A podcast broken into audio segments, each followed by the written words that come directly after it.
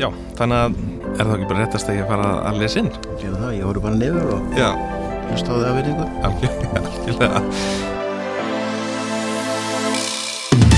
Komin sæl, kæru hlustendur og verið hjertalega velkomin í Happy Hour með Væsmenn hlaðvarpið sem er í fljótandi formi.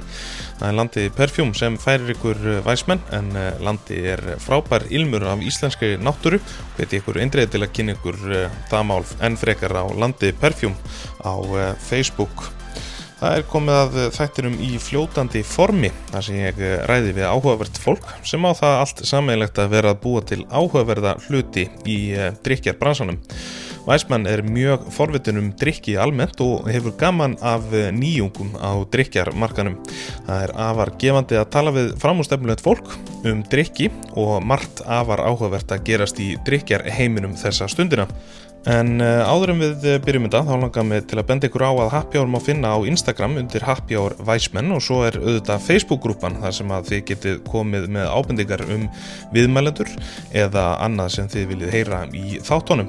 Væsmenn er að sjálfsögðu bæði á Facebook og Instagram eða viljið fylgja mér persónlega þar og heima síðan væsmann.is þar má svo lesa allt það nýjast og helsta um vegar í fljótandi formi. Áður en við byrjum þetta þá minn ég á að geta hófst þeirra áfengi er haft við hönd, við skulum frekar drekka til að njóta og alls ekki til að gleyma, en þá að máli málana.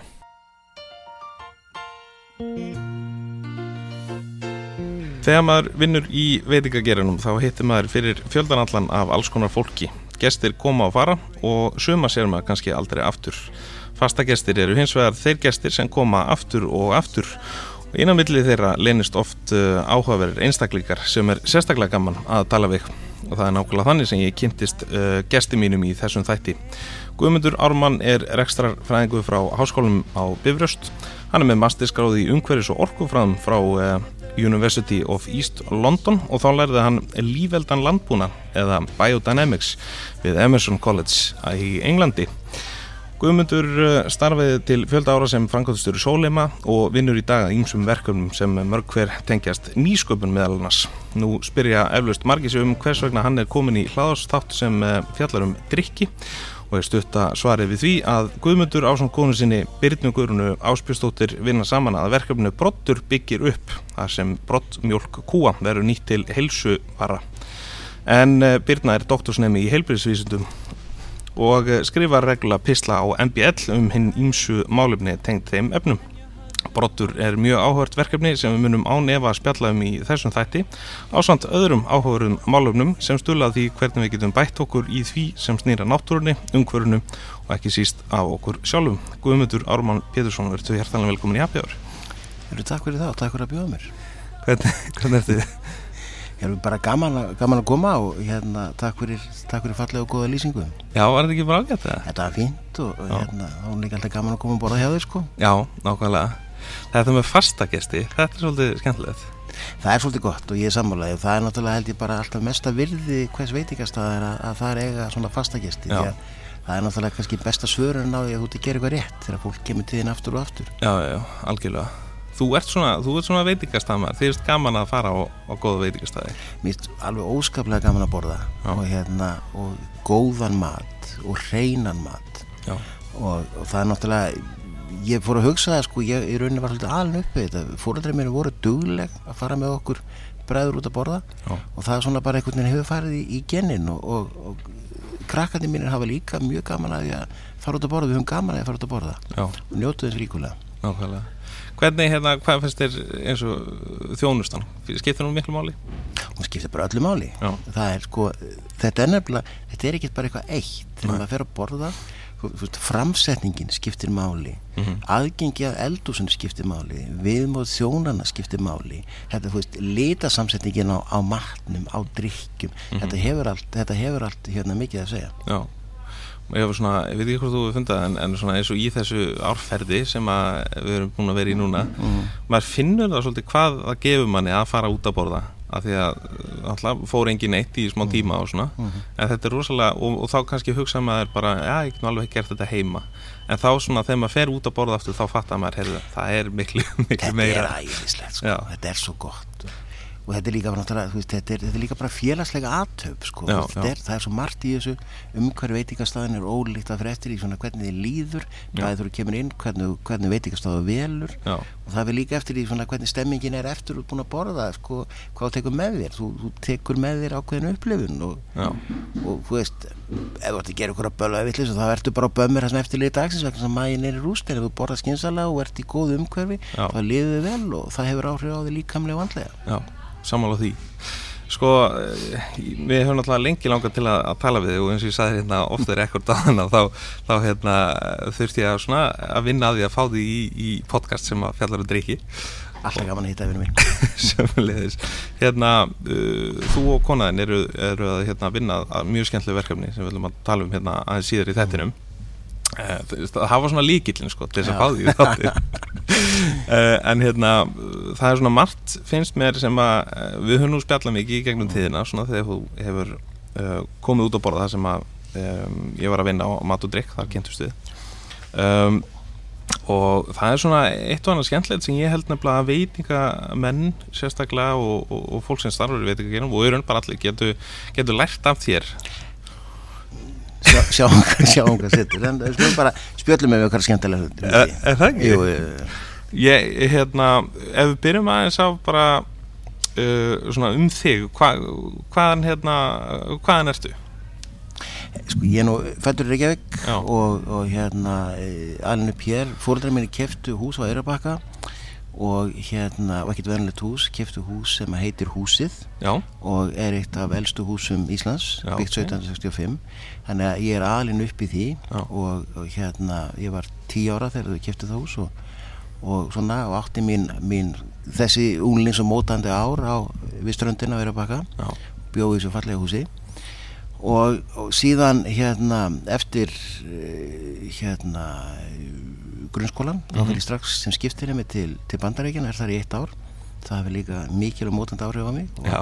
alveg geggjaðu tími. Já, og þá sagði maður bara bless hérna út af velli og, og ringdi einu sinni heim og sagði hæ ég er komin og svo leið heilt ár þar til maður heyrði aftur íslensku. Já. það var alveg geggja og svona, svo kem ég heim og, og fer að fikra mig í skóla og svona og, og fer að sé vestló og fer svo fjölbrytt á Selfossi og enda á Bifröst tek þar hérna frungrandild og fer svo í rekstrafræði þar og, og ég er svona þetta er eins með sólheim og svo nefndir áðan sko að, að ég hafði svona eitt misseri til þess að safna smá pening og fór að vinna það svona eiginlega óvart sko. Já, ok. Og fekk svona eiginlega hálfgerða bakteri og ég verið að losnaði aldrei þaðan almennilega fyrir núna í hættu og þá var svona tímabili orðið hvað það slagaði ykkur 30 ár frá því ég byrjaði fyrst sko. þannig að þetta var, þetta var mjög erfið bakteri en, en góð, ég náttúrulega lærði allt milli heimasgerðar þar.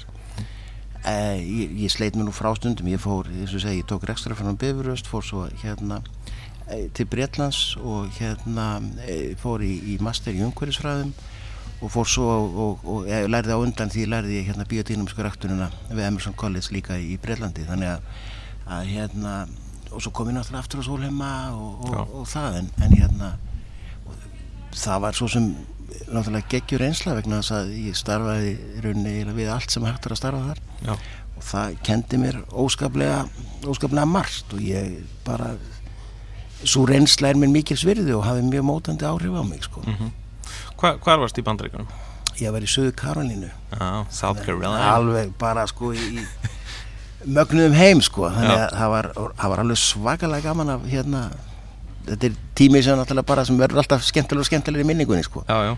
Sko, ég er náttúrulega með eitt sem að gefa kannski til kynna að þú fórst all-in í, í amerískuna því ég er náttúrulega gerist maður heimavinnu, sko. Nó, býtum við er í hverju vandræði Nei, ég held ekki að ég vil samt á einhverja skýringar að þessu. Sko, ég las uh, skellt viðtal við þig og, og þar kom einn spurning sem sagt, eitthvað sem fæstir vita um þig ah, og þar svaraði þú að ég æfði og kefti í amerísku wrestling þegar ég bjóði í USA og var raskoti góður. Ég kalla þið nú bara ansi góðan að hafa grafið þetta upp sko. það, Ég veit ekki hvort það er Google sem gleymir engu en, en þú veist það þessi brattur sko. En, eh, þú veist, já já Ég fór, ég fór á All-in og, og hérna og þetta var algjörlega frábær tími. Já, og ég fór í, það var svona kallað three letter athlete, þannig að ég, ég tók þrjár keppnisgrinnar úti. Ok. Ég hefði aldrei á æfinni séð ameríska fótbolta hvorki sjónvarpið annað. Og ég byrjaði í amerísku fótbolta og fór þar og komst í keppnislið okay. og það var alveg hrikalega gaman. Já. og, og hérna svo fór ég hlaup og ég kefti í, í 800 meter hlaupi og ég var bara helviti góður í því líka.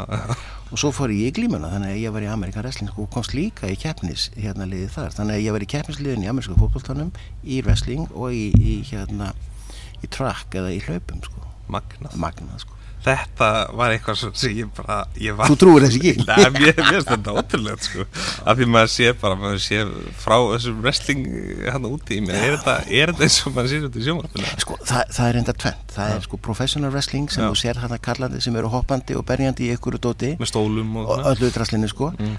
sem betur fyrir íslapið það, ég var ekki þar Já, en, ok. en wrestling er, er bara, þetta er þessi glíma sko já, já, og, og hérna og bara alveg svakalega skemmtilegt hérna form. Þannig að hérna og það er bara keft í ákveðinu þingdaflokkum sko, ég man ekki hvað það var. Já, Þú veist, hvað vorum, hvað vorum marg hvort vorum átta eða tólf sko já, í liðinu allir í mismunandi sko. Hérna, þú veist, þingdaflokkum bara náttúrulega í pundum og svona þetta er náttúrulega bara alveg rosalega skemmtilegu tími sko. Já, magnað. Já, þetta en þú, síðan, þú er alltaf búið á Suðurlandinu, eða ekki?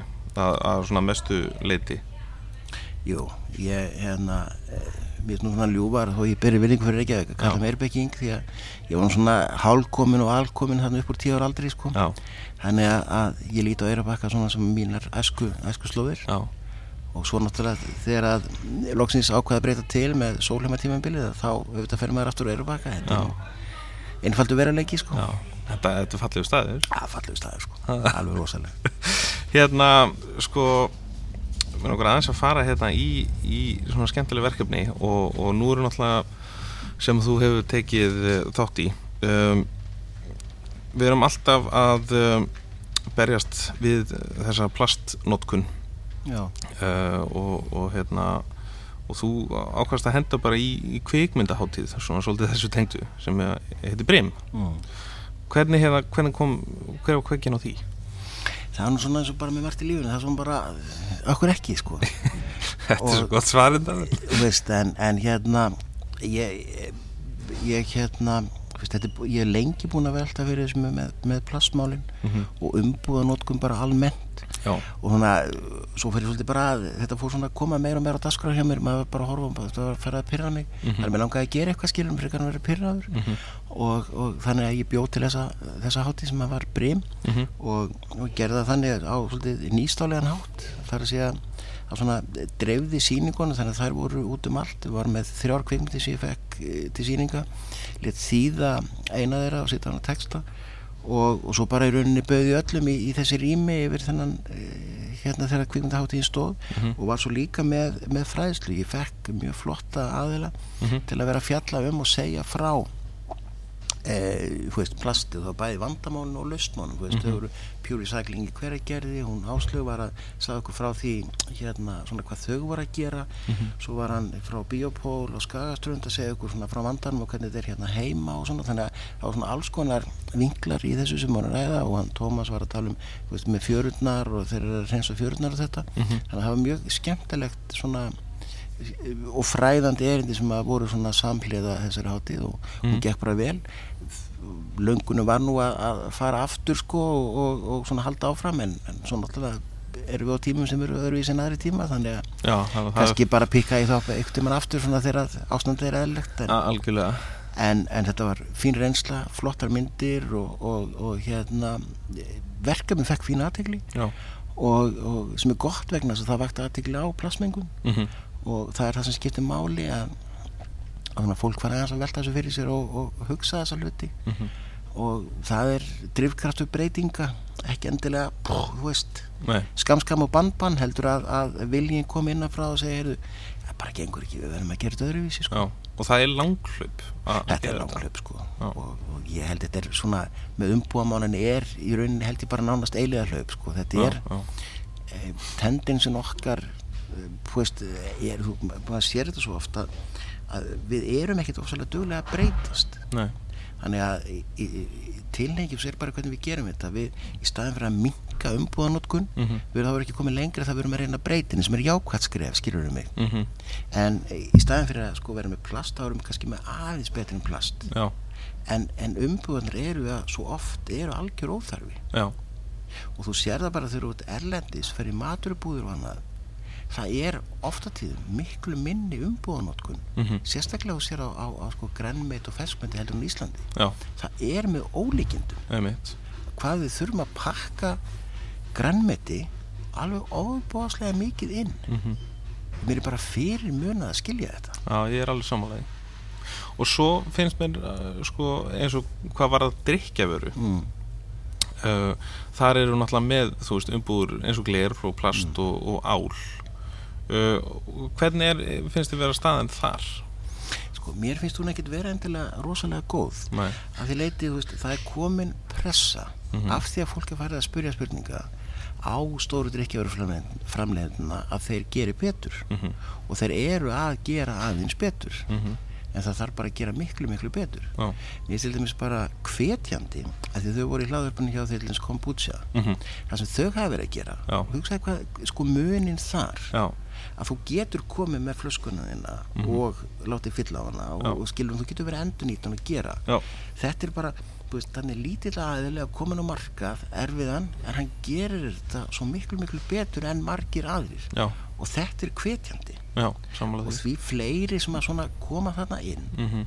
með, með sambærlegum hætti því betra. Mhm. og ég held að þetta sé undanfari jákværa breytinga þegar að nýsköpunarfyrirtekin er að koma inn og þá bara fara stóra aðeins svolítið pínlítið að líta kjánalega út sko. Já, já. og þeir verða svolítið að, að gera, sig- gera sig í brók. Já, en skrítuðu þeirra frumkvæð ofta, ofta tíðan það kemur frá minni aðeins það kemur ekki frá stóra aðeins Sko, ég er nefnilega þeirra kenningar að, að hérna að stóruðalinn séu ofta á tíðum uh, svolítið bara að sitja á hakanum og býða eftir hugmyndum frá frumkvölunum það er þannig, þú veist, drivkraftur og, og hérna þetta er eins og með veist, ég ætla ekki að fara í pólitík skilur mig, en, en þessi ríkisvaldið, veist, Mhm. það er kannski ekki endilega alltaf drivkraftur breytinga. Nei, það gerist í enga framtækinu mig, og það gerist með nýsköpunum, það gerist með þessum sem eru að koma nýjum á markað. Mm með þrýsting.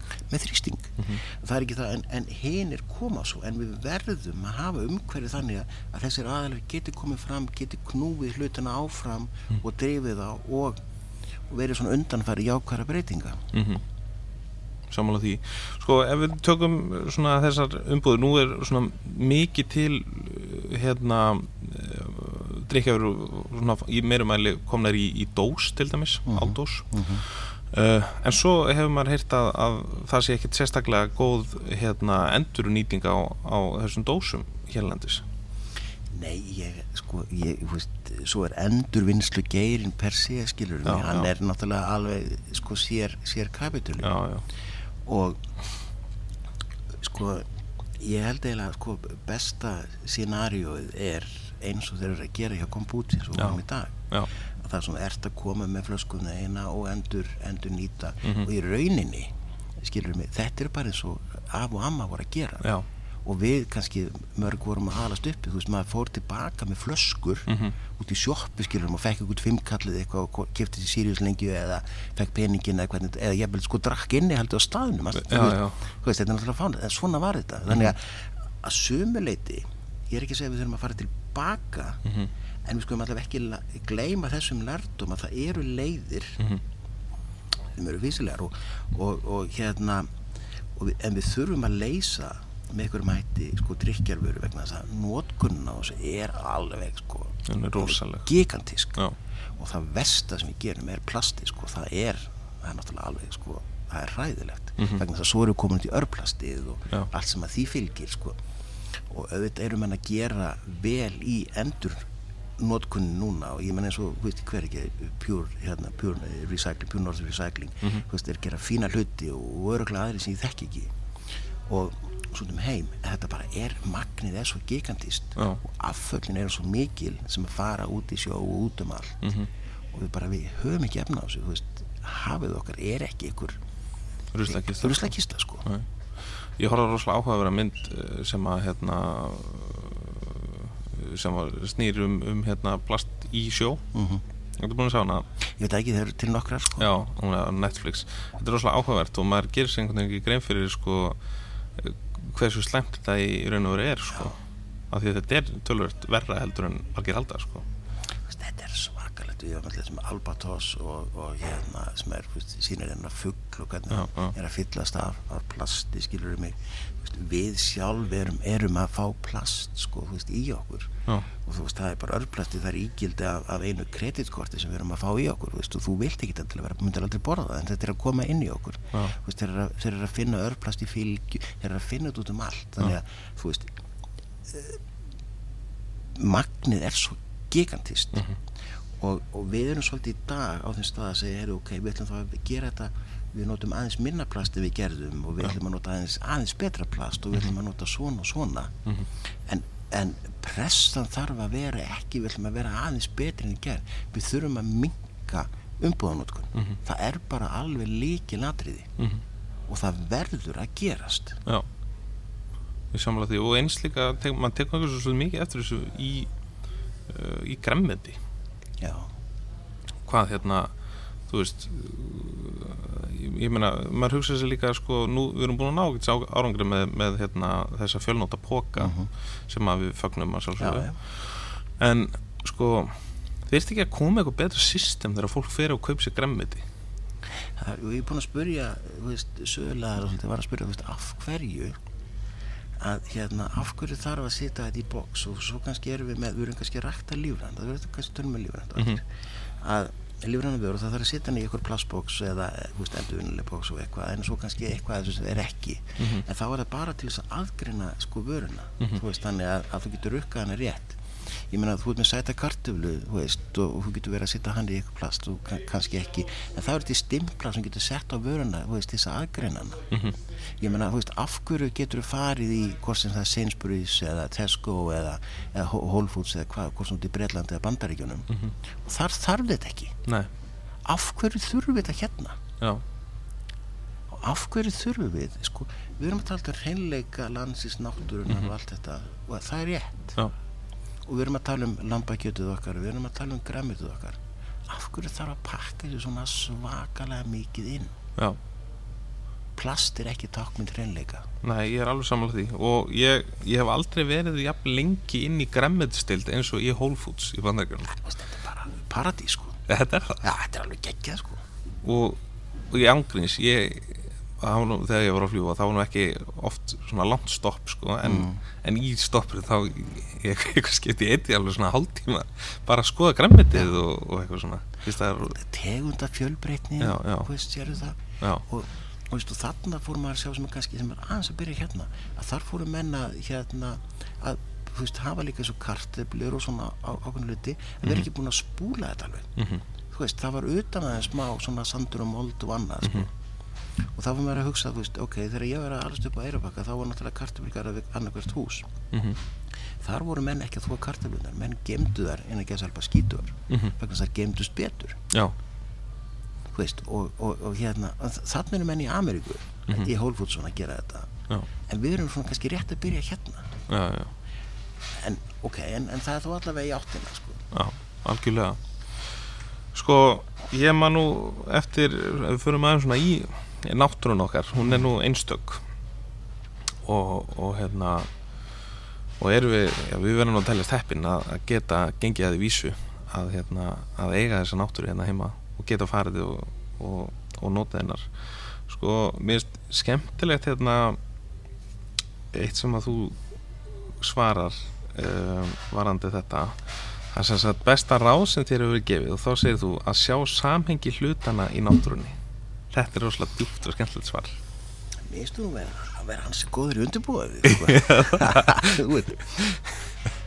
en, en nei bara frábært bara takk fyrir að undirbúða svona vel þetta er Já, þú veist, og það er, það er kannski, ég veit ekki alveg hvað þetta vísi, þú veist, hvað, hvað er ég sagt það, en, en öruglega hef ég sagt það í tengslu við, við biodýnumiska ræktun. Mm -hmm. Mér finnst það mjög líklegt, mm -hmm. vegna þess að ég fór eins og sagði í ingangnum ég fór til Englands og lærði biodynamiska ræktun mm -hmm. og það var svona fyrir mér ákveðin, ákveðin upplifun mm -hmm.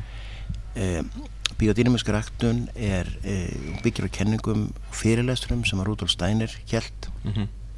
hún æg í lóksíns tíma og á þrýði áratug hérna 2000-aldar og, og, og þessi fyrirlestrar eru grunnur biodynamiska ræktunar e, það sko kenningar Steiner það ná í rauninni yfir svona yfir allt í rauninni veist, það er í kennslufræðum mm -hmm. það er í, í hérna málunum fallara veist, það, það fyrir yfir öll svona þessu helstu svið mm -hmm. e, rækt, biotínumíska ræktunin og, og það, það, hún horfir svo heldstætt á kannski svona á landbúnaðan og verðilduna þannig að, að, að þú, þú er undan skilur ekki neitt þetta er bærin mm -hmm. er, er svona ein heil eining og það sem ég kannski tók út úr námið minu í, í, í svona stænirfræðinum og þessu var þessi skilningur að mm -hmm. horfa heilstætt á náttúruna mm -hmm. á, á umhverfið, á manneskjuna mm -hmm. og svona reyna að skilja þetta og, og sjá, sjá þetta samhengi mhm. og það er e, sko í mínum huga ef við erum að tala um ræktunaraðferðir mhm. að þá svona ef maður getur tala um eitthvað sem fullkomið í heiminum þá myndi ég segja að, að, að bíadýnumiska aðfrafræði við ræktun sé svona svo fullkona sem við höfum í dag vegna þess að hún horfður svo heilstætt á, á hlutina mm -hmm. um, og, og, og þú horfir sko þú horfir á jarðvegin hvernig þú byggir hann upp mm -hmm. þú, þú nýtir alla þætti þú horfir á heimintunglin þú horfir á, á kvatana og, og svona kannski svona þennan lífskraft sem er í, er í hlutunum mm -hmm. og, og sumi finnst þetta að vera svona, menn er svona svolítið færður að tegja sig sko en, en, en, en við getum eftir allir skoðun á því en, mm -hmm. en það er e, biodýnmennska vörur þær eru yfirlegt svona almennt talað það besta sem þú færð mm -hmm. og, og þú sér það ef þú horfir á því sem bara ostagerð Já. hvaða ostar eru oftar en ekki ert að sjá osta sem eru framleitur úr biodínumörkri hérna mjölk og, og hafa verið þær teóriur hafa verið þar mm -hmm. ef þú horfur að drikki hvaða í rauninni tegunda vínum er núna að koma meira og meira og horfur inn í vínbúðun bara hérna í okkur í Íslandi mm -hmm. fyrir svona kannski or take, ég veit ekki hvað að segja 10, 12, 15 árum þú veist þá kom lífrænt inn svona meira og meira mm -hmm. og, og svo er það bara alveg vaksið gríðarlega mhm það sem er að koma núna mennur að tala svolítið um náttúruvínin og mm -hmm. það er náttúrulega alveg frábært en, en, en þú ert að sjá biodýnumisku vínin fara að koma inn meira og meira mm -hmm. og þetta eru, veist, þetta eru þetta eru svona þau eru eftir hillunum sko. mm -hmm.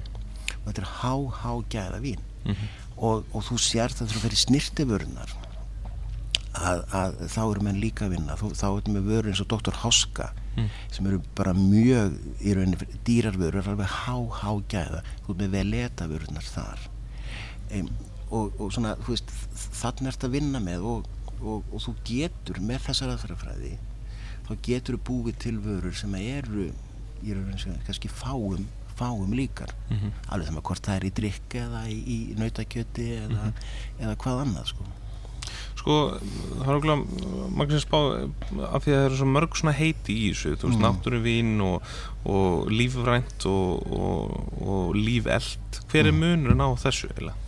Sko, þetta er náttúrulega þetta er svolítið frumskófur, sko Já, það ekki Jú, þetta er það, sko og hérna e, og veist, þessi, þessi vottunar þáttur er mm. mjög mikilvægur en hann er líka ruggland og hann er líka algjör frumskófur Já og ég vona náttúrulega með á, komandi árum að þá munir þetta vera einfald að einhverju marki e, ef þú tala um lífveldurættinina þess að biodýnumisku mm -hmm. að þá er votturinn fyrir það að það er demeter mm. e, eins og ég sagði við áðan sko hérna lífveldurættunin kemur þarna fram með stænir um kannski 1930 mm -hmm. og þar fyrir e, síðan áratugum setna og þá kemur, kemur lífverðanarættunin sem er svona eða sé, mjög ennfölduð útgafa mm -hmm. af lífældri rættun mm. og, og, og síðan kemur til dæmis og sér, síðan kemur setna kemur permakultúr út úr þessu og, og svona fleiri þættir mm -hmm.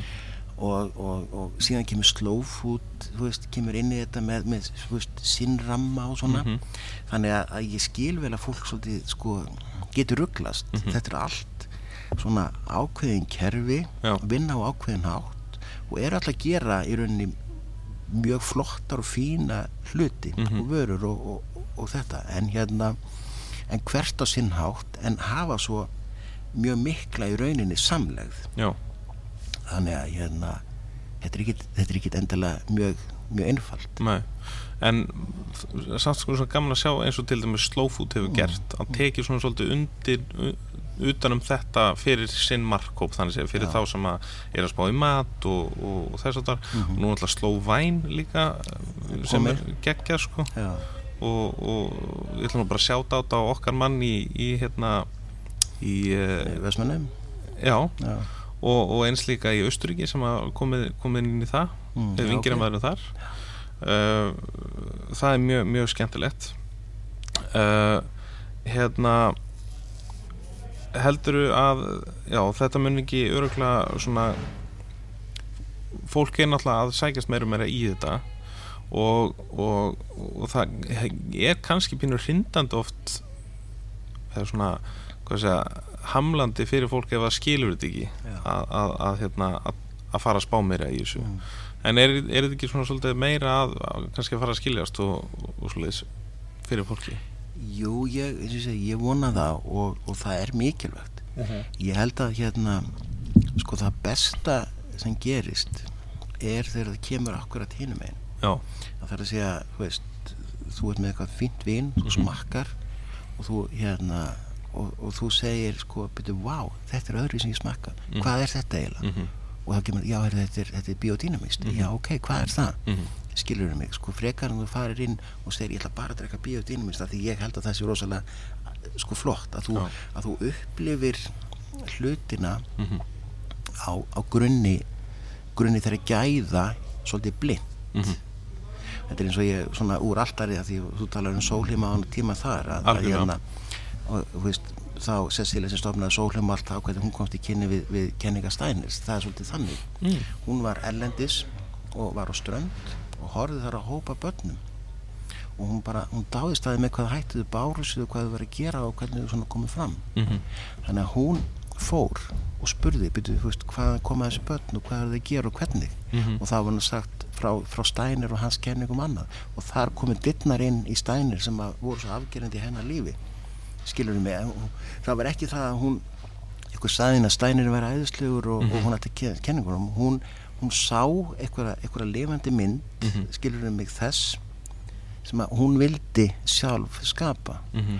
og, og, og það, er, það er svo gott líka veist, með mat og með drikk veist, að, ég, að fara ekki á veitingahús af því að veist, ég er búin að heyra einhvern kokk skilur mig sem er svo gjörsanlega geggjaður og frábær það skemmtilega er að koma, borða mat finna sterka upplifun og segja, heyrðu, já, býtu, vá hver, hver eldar þetta Mhm. já, maður langar að fá meira frá honum eða frá henni Mhm. skilur mig, hver er svona rosalega góður þjótt, skilur mig, Mhm. já og kann að gera þessa hluti þú veist, eða með drikkið annað að, að þetta komi svona öfugt held ég fram Mhm. og ég held að, að, að svona með því að bjóða meira upp á gæði Mhm. á öllum sviðum því skilur mig sko þannig færðu fólk held ég meira með þér skilur mig? Einmitt. þetta er svona að tala um plastið með því að fræða, með því að segja skilur mig ha, þú veist, hérna sjáðu bara afleðingarnar Já. viltu horfa á börnin, viltu horfa á sjálfaðig skilur mig fiskurinn sem borðar skilur mig, þurfa að fara í fjöruna en að lappa, þú veist að þú innra með þér finnur þörf og vilja til þess að sjá hlutina öðruvísi og þetta er eins og með biodýnumiski biodýnumiska hérna, aðferðafræðin kendi mér að það er að vilja sjá hildarmyndina Mhm. og með því að hætti vilja sjá matin sem ég borða valið innkaupum öðruvísi, skilur við mig ég vil fara í, í eins og maður segir í farm shop, mér finnst það alltaf skemmtilegast Mhm. þar fæ ég hreinustu vörurnar þar fæ ég er ekki umbúðum skilur við mig, þar er ég finna, hitt ég fólk sem að er í svipuðum hugleðingum sem er hvetjandi fyrir mig til þess að halda áfram. Já. og þetta hefur svo mikil áhrif. Ég vil fara á, á veitingastað þar sem ég er að borða góðan mat.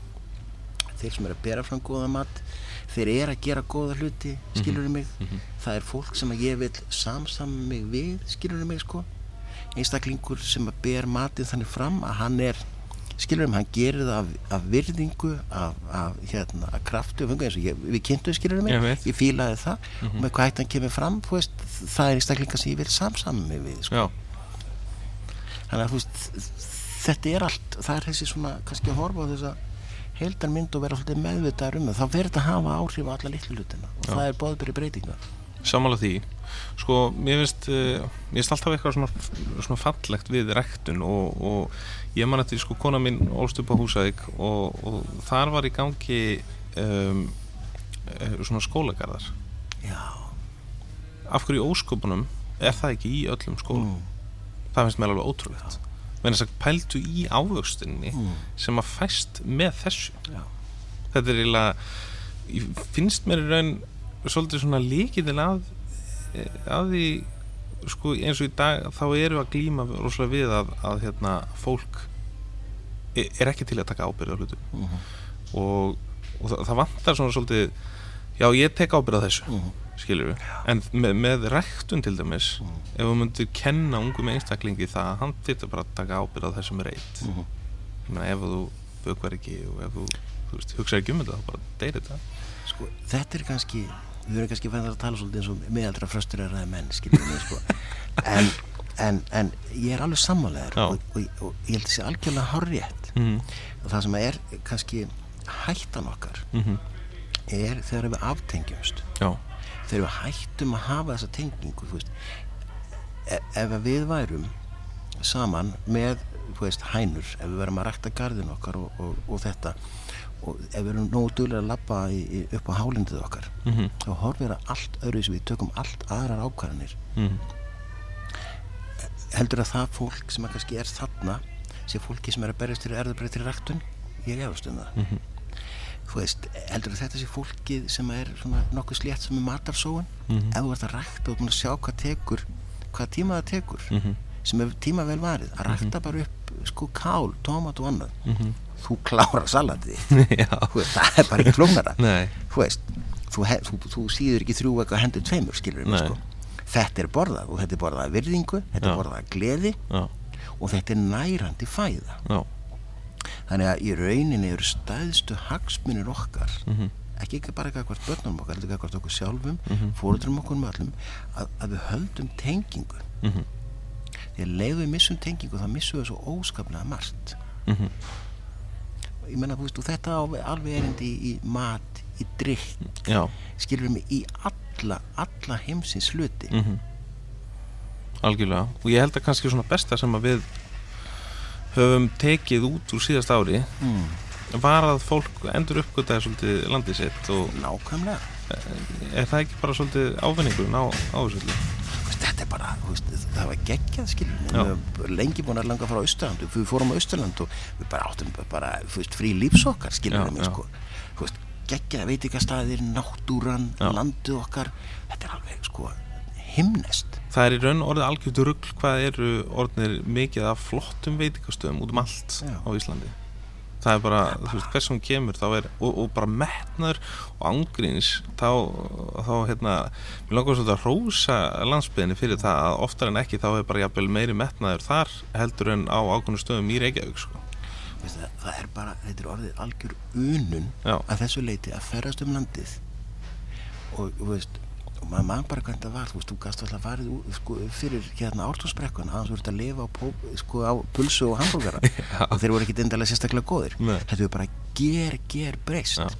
núna, Já, þú veist er þetta bara þannig að það er að dettin á Facebook einhvers staðar, einhver veist sem er bara langt í burtu, Mhm. skilur við mig?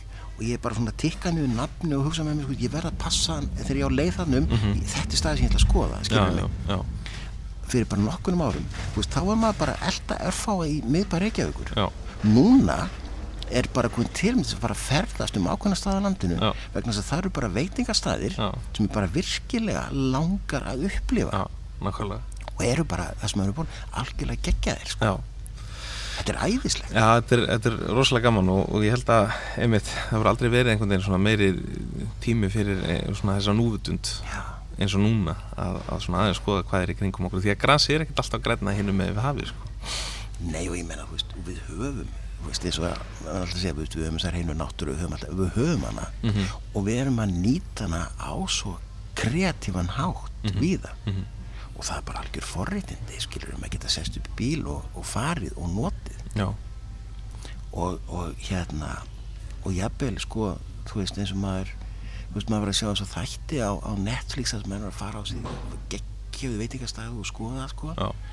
og hérna veist, við eigum bara marga á Íslandi svona óbúslega geggjaða veitingastæði líka mm -hmm.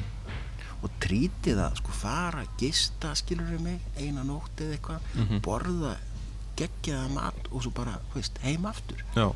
þetta er æðislegt sko þetta er algjör snild sko Getur við sagt að, að hérna Björn Halldórsson sé svona okkar Rúdolf Steiner.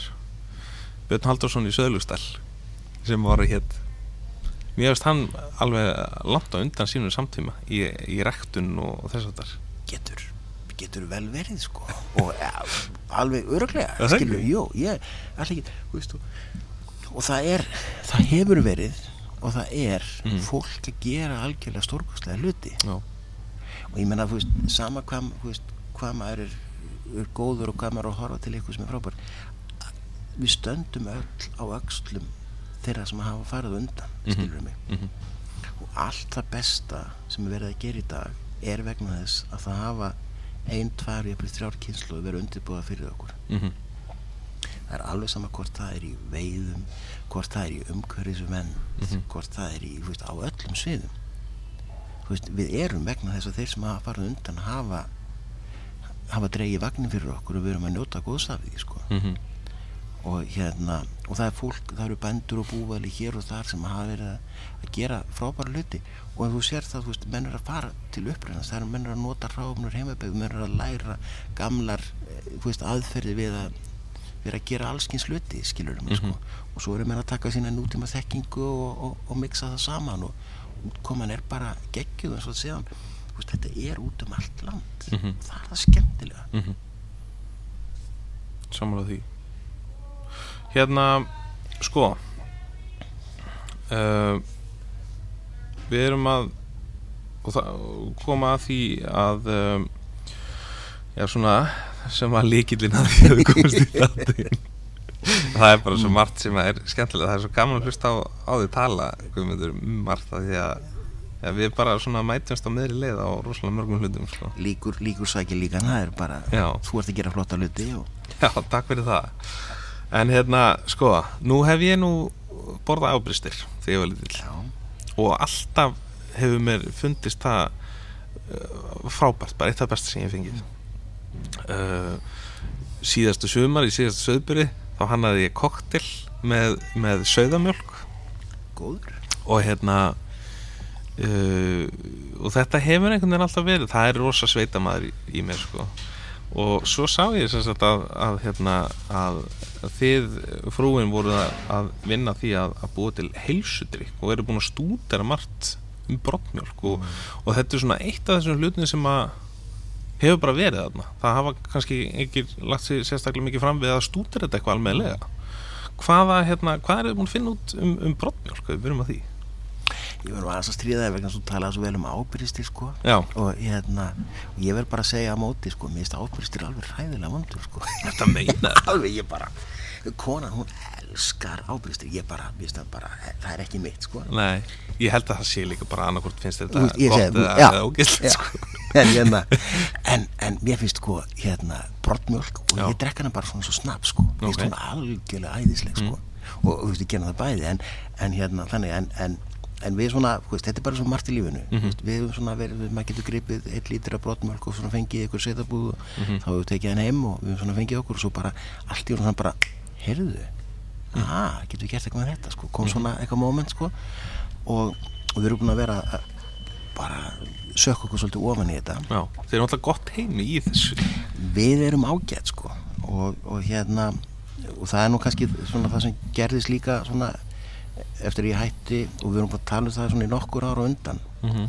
að, að hérna veist, ég hafi verið svona þroskast á ákveðin hátt byrna á, á ákveðin hátt og okkur langaði alltaf að svona meira mixa saman og við vorum oft búin að ræða alls konar hugmyndir sem okkur langaði að gera meira saman Mhm. og, og hérna og það er svona kannski þessi tími er hjá okkur er svona kannski hvað því að fyrirsögnin kannski veist, gera minna því sem við þurfum að gera og meira því sem okkur langar að gera já, já. Veist, við erum svona komið svolítið á þennan stað það er og það er rosalega gaman sko. Já, þetta er náttúrulega rosalega skrítið og flókið og allt þetta en þetta er gefandi Mhm. og, og hérna og það er kannski það sem það skilur það sem það skilur eftir og, og hérna og svona einhvern veginn þessi bara brottmjölkur pæling hún, hún tvinnar okkur mjög skemmtilega saman Mhm. Og, og hérna hún er náttúrulega í þessum rannsóknum og allt þetta það var, brottmjölkin var mjög lítið rannsökuð Mhm. og uh, íslenska brottmjölkin hún er rannsókuð svolítið ellendis já, en svo náttúrulega vitum við að íslenska mjölkin er og það er alveg brottmjölkin líka aðeins öðruvísi en, en, mjölk önnur Mhm. þannig að, að, að, að við höfum svona alltaf sökt okkur ofan í þetta og, og svo höfum við velt fyrir okkur hvað við getum gerst við þess að vöru Mhm. þú veist, brottmjölk er náttúrulega sko það eru reyna aðrið nummer tvö sem við gerum fyrir fæðust fyrst drögum við lífsandan Mhm. og svo er okkur skellt á, á, á brjóstið eða spenna Mhm. og við drekkum. Mhm. og svo mjölk er ekki venuleg mjölk heldur það er brottmjölk og hún er svona bara grunnurinn af því að byggja okkur upp líkamlega, byggja upp flórun okkar og, og gefa okkur allt það, það svona besta sem við, við fáum. Svona fyrsta lífsbústið bara. Já, það er það sko. Og hérna svona það næringaríkasta sem að sko er, er framleitt. Mm. og, og hérna e, og bara frábært. En svo þurfum við fórum að skoða þetta. Það er, það er ákveðmagn sem er notað í kálfa. Mhm. og, en það er ákveðmagn og það er meira sem að kýrin framleiðir. Og þessu er svona að mestuleiti er fargað. Og þetta eru, eru allmargi lítrar sem það, falla að milli. Mm. við getum alveg sem við sagt svona kannski tíu lítrar og jafnvel meira í, í hvert skipti af, af góður brotmjölk sem bara er fargað. Þannig að þetta magnið er alveg fyrir hendi. Já, ok. Og, og hérna þetta er uh, hugsa, þetta viljum við grípa. Og það er náttúrulega sko er gríðarlega nýsköpun í því að taka afur sem er fargað Mhm. taka hann tilbaka, sitja hann inn í, inn í framleiðslu og búa til úr henni vöru. Það er náttúrulega bara skemmtilegast en nýsköpun það er sko. Og, og þá er vakna spurningin sko margar hvist, hvernig á að nýta þetta og annað og við og hvist, þetta stundum eru búin að taka 1, 2 og 3 skref áfram og svo höfum við tekið 4, 5 og 6 aftur og bak, Mm. mm. veist, og þetta er svona hluti af þessu þú veist, við erum búin að vera í þessu núna í eitthvað 2-3 ár sko, í rauninni svona með verkefni þannig yfir Mhm. og maður held bara að maður vera algjörlega bara, þú veist, gæti ekkert sko svo segir maður að þú veist, menn eru bara ekkert óvæld menn séu 5 og 6 og 7 ára með alls konar verkefni þannig að þetta bara tekur tíma Mm. Og, og við getum ekki bara tekið brotmörk skellt inn í glas og, og sagt bara hei, gó, njóttu Mhm. og þannig að, við þurfum að handera hann ákveðin hátt og til þess að sé hæf til neyslu Mhm. við erum búin að fara e, e, í rauninni sko í tvær áttir annars höfum við þróað vöru úr, úr brotmjölk sem er feskvara Mm. Og hins vegar höfum við hérna líka þróa vöru sem er, er þurrkuð sem er þá hilkjuð vara sem eru þá töflur sem við getum tekið Mm. og síðan höfum við hérna e, nýtt okkur og þekkingu byrnu sem er, liggur í hérna í lifandi gerlum Mhm. og þeir hafa eins og við vitum ákveðin áhrif ákveðin gerlar Mhm. og, og hún er með sínum rannsóknum búin að finna út á ákveðnar vörur skilur um mig, ákveðnum hópum hvað, hvað er best þannig að með því að, að, að taka e, það sem að brottmjölkin út af fyrir sig veitir Mhm. og setja inn inn í hana ákveðna gerla Mhm. að þá getur verið með vöru sem að hefur mjög jákað áhrif á ákveðna þætti fyrir okkur heilsufarslega magnað og, og svo náttúrulega þú veist svo er það öðruvísi gerla sem að fara í, í hilkjaðvöru skilur mig og þeir þurfa að kombinera þar skilur mig Mhm. versus uh, hérna e, hérna sem að fara í feskvöru skilur mig bara þetta virki og geti skila sér Mhm, og, mhm.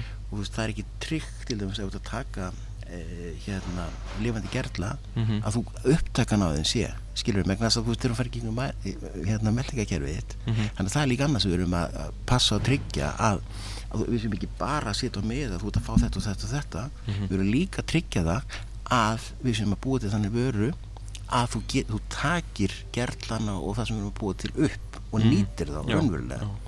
þannig að, að það búið að vera alls konar en, en við færumst alltaf nær Þetta er mjög spennandi. Þetta er alveg ríkilega spennandi. Ég bara Og hvað hérna, eru þú komin allir að vera með eitthvað svona, mér sem þetta bara auð og eitthvað svona, er ekki komin svo langt. Jú, við, við, það, það þarf, hú veist, í, í feskvörinu þá þurfum við að hafa, hafa ákveðin bröð Þá kalla, kallar ég mig ég Eða vera óið því, sko. Og það, það er, hérna, við erum að ræða saman, þú veist, og það er eitt af því sem við þurfum náttúrulega að leysa, þú veist, það er bæði, þú veist, þessir, þú veist, það eru gerðlarnir, það er, það er brottun og svo þarf að vinna ákveðin hátt, skilur við mig? Já. þannig að það er ekki nóg bara að hefla og gerðlar úti og segja bara góð, veist, það er, það er líka þar mm -hmm og svo kemur sko bræð, bræð ofan í og við viljum hafa reyna eins og við alltaf tala um skilurum mm. og háum gæðum og, mm -hmm. og ekki plasti og alls konar mm. og svona hins eginn þannig að, að hérna þetta er en, en þetta, þetta er gengið í rauninni lígilega vel -hmm. en, en það er líka verið fullt af þröskuldum sko en, en einhvern veginn höfum við nú komist yfir þá svona þú veist með langklaupinu -hmm. og núna er þú veist við nú þurfum við náttúrulega að fara svolítið annað, við þurfum að fá sittið inn í fag, fag aðalega til þess að klára þessa þætti og fá ákveðna rannsóli til, þessu tryggjum þessum við viljum tryggja sko. mm -hmm. þannig að við erum svolítið þar. Mm -hmm. þetta er svo, ég myndið að rúla þessu upp á eina ári en þetta er búið að taka lengri tíma. Mér veist þetta ekki að taka einhverja vikur en ég er svolítið hættum að taka í mánuði. En, en hérna þú veist maður svona farin að sjá ljósi við endan á, á göngunum svona fyrir fyrstu vörur. Já Þetta er rosalega áhugaverður uh, markaður, þessi, þessi svona softdrinks markaður og hvernig hann er. Mm. Uh, mér finnst hann á rosa villigutum okay. á marganhátt. Vegna þess að ég, sko, ef að mest svona seldu drikkinir eru stút fullir af koffíni, mm. þá fer ég svona að fara að ringja ákvæmlega viðlunum bjöldu hjá mér, sko. Uh, mér finnst samt, sko, gaman einmi, og það er eina af þeim ástæðan sem ég, ég vildi fá ykkur eða hérna, þig og, og Birna er nú sem er með okkur já, já, sko, uh, í þáttinn af því að mér langar svo að varpa ljósuna á alla hínadrykkina mm. sem að eru hérna, eins og nefndum kombucha og, og, og þess aftar og mér finnst þessi svona heilsudrykja um, menning eða, eða svona kategóri rosalega spennandi. Já og, og hérna mun ánefa uh, þú veist, stækka og, og fólk svona á þetta að fara að taka meira og meira eftir henni, heldur það ekki? Þú veist, ég held það. Og, og við, erum, veist, við erum ofta að tala um helsudrykki, við erum að tala um svona búst og hitt og við erum að tala um þess að hérna e, veist, orkudrykkina og, veist, og það er síkur í þeim og þetta heitir alls konar sem ég kann ekki nöfnin á og hérna og svo getur maður farið og fengið sér bara engi feskot skilur í mig og það er bara veist, eins og einn tvöldur espresso skilur í mig þannig að veist, maður er líka að læra og, og, og, og gera. Og svo náttúrulega við erum ekki mikið sko, tetrykju kultúrfólk sko. Íslandika menn en, en ég held til þess ég drek meira te-erlendi sem ég ger heima því að þetta er meira kultúr sko. og það er heldur líka eitthvað sem er. En í mínum huga er sko, hú veist það er einn heilsutrykkur mm -hmm. sem við í rauninni kannski sýtum ekki nógu mikið fókus á sem við öll drekkum mm -hmm. og við verðum að drekka mm -hmm. og ég held að fókusin verði á þann drikk næstu árin, það er bara algjörlega klart Já. það verður það á, á alveg við spektrumið og það er vatn Nákvæmlega.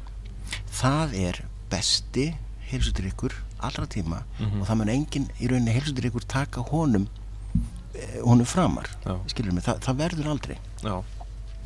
en það sem ég held að eitthvað að gerast er að að, að sko fókusin kemur meira á vatnið mm -hmm. þegar, þegar, þegar þú ert að búti koktel mm -hmm. skilur mig veist, þá eru menna vantilega að horfa alls konar og ná alls konar bröðum og, og mm -hmm. svona grunnurinn er vatnið Já. sem svo búið að breyta í alls konar myndir Algjörlega. ef að grunnurinn er ekki góður þá nærðu aldrei þeim áragrið sem þú vilt ná mm -hmm. og þeim gæðum sem þú vilt ná mm -hmm. veist, við viljum að drekka kaffi og við viljum fá hágeða kaffi og við viljum mala það og gera alls konar bönir mm -hmm. ef þú ætti að götu bara í London og New York þá er bara búið að skrúa frá og það er bara almenna nýsluvatnið mhm. sem bara röppis vatn Já. og þetta ábyðum allt og ég held bara fókusinn hann mun verða meira og meira og meira á vatn mm -hmm. og gæði vass Já. alveg saman hvort þú tala um áfangadrykki ófangadrykki kaffidrykki bústinn þín og hvað annað Mhm. vegna þess að svo er það svo er það, þú veist, vörurna sem að við erum að, að hérna, að neyta Mhm. að sko vassnútkun í heiminum er gigantísk og það var þannig fyrir nokkur mánu þegar ég var að skoða sérstaklega veistu hvað, veistu hvað mörg prósent af allri vassnútkun í heiminum er, er nýsluvatni okkar sem við drekkum Örgulega svona 10% eða eitthvað er nákvæmlega 10% Það ekki? Jú, Já. bara spot on Magnað. það er 10% Mhm. en, meina, en vatnið er yfir allt og ég meina þú veist gæðin á, á kjötun okkar gæðin á grannmyndun okkar Mhm. Allir, þetta, þetta byggir allt á vatni Já, og gæði vass er að verða alltaf í rauninni því miður verður og verri Mhm. og ég maður sko þetta í Englandi að sko líftíminn á því frá því að vatn, vass, va- vatni er neitt og þar til að það kemur aftur í nýstu það er sko ískikilega stuttu tími Mm. það er ekki búið hreins vatn á Íslandi er alveg einstakt Mhm. því það er svo gamalt já, það er búið að skilur við við erum, við erum að drekka svo mikið há, há gæða vatn Já. yfir höfuð Mhm. Og ég menna, við föttum ekki þegar við erum að fara veist, það er, er springwater, natural springwater það er svona vatni og hitt vatni, skilur við mig? Þetta eru bara gæðastimplar. Við áttum okkur ekkert á þessu. Nei. þetta á eftir að vera meira og meira virði. Já, heldur þegar þú ferðin á fínt hótel og ert búið til þín að drikki og því vantar vatn og þú fáið bara veist, natural water eða tap water skilur Mhm. mig þú vilt fá alvöru vatn til að búa til alvöru hágeða vöru Mhm. þetta er stóri sko, þetta er stóri kallikurinn og við eigum bara gnæð af vatni á Íslandi sko. Mhm. Ég hérna Já, það er svo margir mikið sem ég langar að tala um út frá þessu Þetta er svo, þetta er svo ótrúlega góða punktur þar uh, Fyrir að fyrsta þá, þá hérna þá er oft spurt mig sko eh, hérna, hvað hva er uppáls kóttillin hvað er uppáls drikkurinn Mm. fólk þólir ekki þegar ég segi það er bara vatn Já. Nei, þú veist, það, það, það, þetta er eins og brottmörkin það Já. er essensin Já. Þú veist, það er bara lífsvökun þú veist, við erum fulla vatn, þetta er bara nákvæmlega það Mhm. það er vatn, Mhm. það byggir allt á vatni Mhm. og gæðum vass og mér finnst líka oft í, maður tekur rosalega eftir þessu eins og nú er búin að, búin að keppa erlendis og ferðast erlendis og Mm. þess að þar og um, það er er ekkit eðlilegt hvað hva, hérna, hvað er mikill munur á vatni Já. og hvað við eru raun tökum sem svolítið sjálfsögum hlutin á Íslandi við gerum það við gerum það og það eru náttúrulega fleiri, ég meina norðiljós og alls konar sem já, að við tökum já, já, bara gefum okkur sko. Mhm. En, en sko til þess hluti af því þessum likli sem við höfum Mhm. með sko framlýslun okkar já, það er, það er vatnið. Þú veist, þú erum að tala um hreinleikan og kjötun okkar fiskunum okkar við erum að tala um hreinleikan í hafinu. Mhm. þú veist, þeir eru með að veiða lax og síling og annað. Þú veist, hreinleikin Mhm. og allt þetta, þetta á eftir að vera alveg óbáslega ofalega. Og þú veist, þetta er bara hjartalega samanlega sem saðir, skilur við mig. Uppbórstrykkurinn er, hann er vatn Mhm. ég meina, þú veist þú, þú getur ekki fengið hágæða, reyna afurð Mhm. nema að vatn hafi komið til held ég Mhm. og að það hafi verið vatn á góðum gæðum Mhm. þannig að ég held svona að þú veist drikkjalegu tilliti og við höfum að við höfum að nýta okkur þetta eins og menn, þú veist, tóku fyrir nokkurum árum skilur við með eða lengri tíma sem við með fiskjun okkar veist, við viljum hérna við viljum nýta hann betur, við viljum vinna hann meira hérna heima til þess að auka arsimin á honum og svo, svo sjávarklasin sem að kannski hefur verið boðberi þess að menn eru að halda svona þroska og þróa Mhm. skilur við mig, með fiskjun okkar sem hefur verið skilað okkur gríðalugum tekjum Mhm. við eigum í raun að gera það saman með vatnið okkar Mhm. við, segja, við eigum eitthvað það heimsins besta vatn Mhm. hvernig getum við hámarkað arsemina af vatnin okkar Mhm. þetta er bara umræða sem er ekkert komin Nei. Og ég meina hún hefur áhrif á þinn starfsvett og hún hefur áhrif á alla þetta, á tækifærin Mhm. sem við höfum þau eru bara, þú veist við þyrftum að í rauninni að opna nú bara, þú veist, um fem ára flug skilur Já, sko, í rauninni eins og menn opnaði sjávarklassan til þess að koma þar ákveðinu hlutum að framfæri Mhm. við þyrftum í rauninni að opna vassklassan til þess að opna á tækifæri byggða á okkar reyna góða vatni Mhm. hugsaði þér bara, þú veist, hvað væri hægt að hversu margar dyr væri hægt að opna með þessu Mhm. Og hvað tækifæri getur grundvallast á vatnin okkar. Mhm. það er bara stórkoslegt sko. Þetta er, þetta er mjög áhugavert. Þú eru komin að flug sko. Já, algjörlega.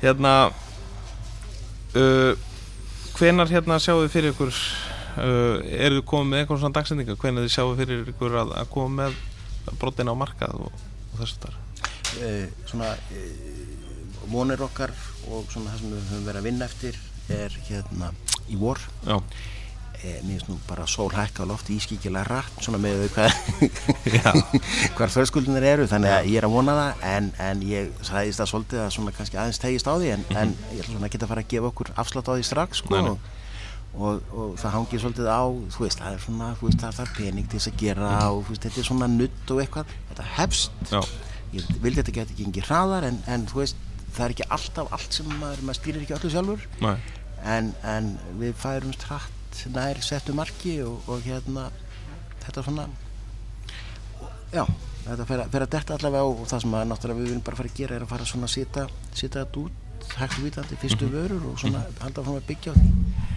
Og, og ég hugsa að við byrjum á að, að sita þurrkaupurana Mhm. sínist það og svona höldum svo áfram. Mhm, og hérna að þróska þetta, nú erum við veist, í þessu, við komum með vörumerki sem heitir Melta. Mhm, og, og svona erum að vinna vinnuna kringum það og, og, og svona reyna að finna leið til þess að vinna hitt þannig að þetta er svona púsluspil skilur mig en, en svona það tikkar áfram. Algjörlega. Uh, Þetta verður mjög, mjög spennandi að fylgjast, fylgjast með þessu. Hérna, hérna rétt í lókin þá langum við að benda hlustundum á að fara inn á heimasíðin þeirna sem er guðmundurálmann.is Þar er, þú veit, nokkuð góðu penni.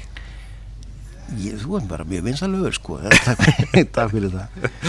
Sko- sko, gaman að spá spekular Já, ég hérna, mér veist svona góð lókaður hérna og eitthvað svona sem að fólk hætti að, að í heiklust að skoða, mér veist uppáhalspislin minn er, er hérna byrsti sem er til, til að skortur á hamingju og, og lókaðurinn í honum er held að það væri klókt að leggja, en, leggja minni áherslu á að breðast við óhamingjumni og að leggja fleiri, eh, meiri áherslu á að finna hamingjuna.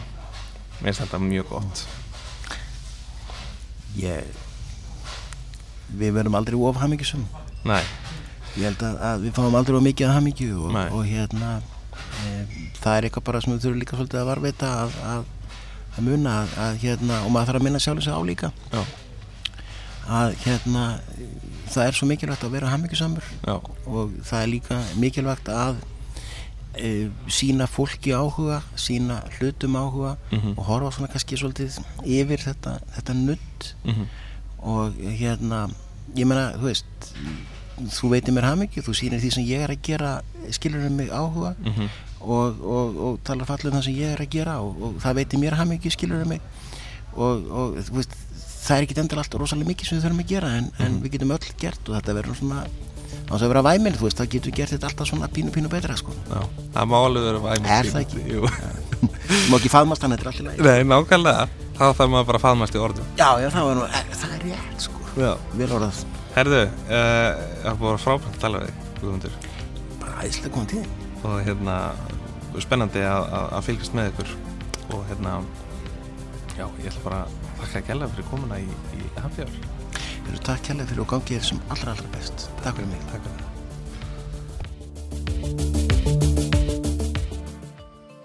Þar hafið þið það, kæru hlustundur. Ég vona innlega að þið hafið haft jafn gaman af þessum þætti eins og sjálfu mér.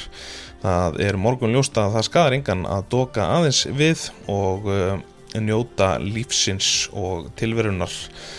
Væsmenn Óskar Guðmundi og Byrnu góðs gengis með brottverkefnið og verður gaman að sjá þau í brotti fylkingar á heilsudrykjar markanum í nánustu framtíð. Kíkið á guðmundurármann.is til að skoða einstaklega vel skrifaða pisla og svo vil ég benda á heimasíðu byrnu jorð.is með th sem snýrað næringu og meldingu.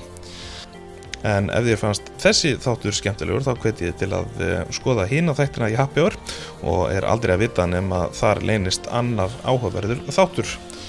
Eins og ég saði í byrjun, þá er Væsmann á bæði Instagram og Facebook og minnum líka á heimasíðun á væsmann.is. Ekki gleyma að fylgja Happy Hour uh, hlaðvarpuna á Instagram og skrá okkur í Happy Hour grúpuna á Facebook ef vilja koma með ábendingar fyrir þættina. Þessi þáttur verður ekki lengri að sinni. Munu orð Væsmann, drekkum ekki til að gleyma, drekkum frekar til að njóta. Veljum gæði og veljum íslenskt. Takk fyrir að hlusta. Þangað til næst Væsmann átt.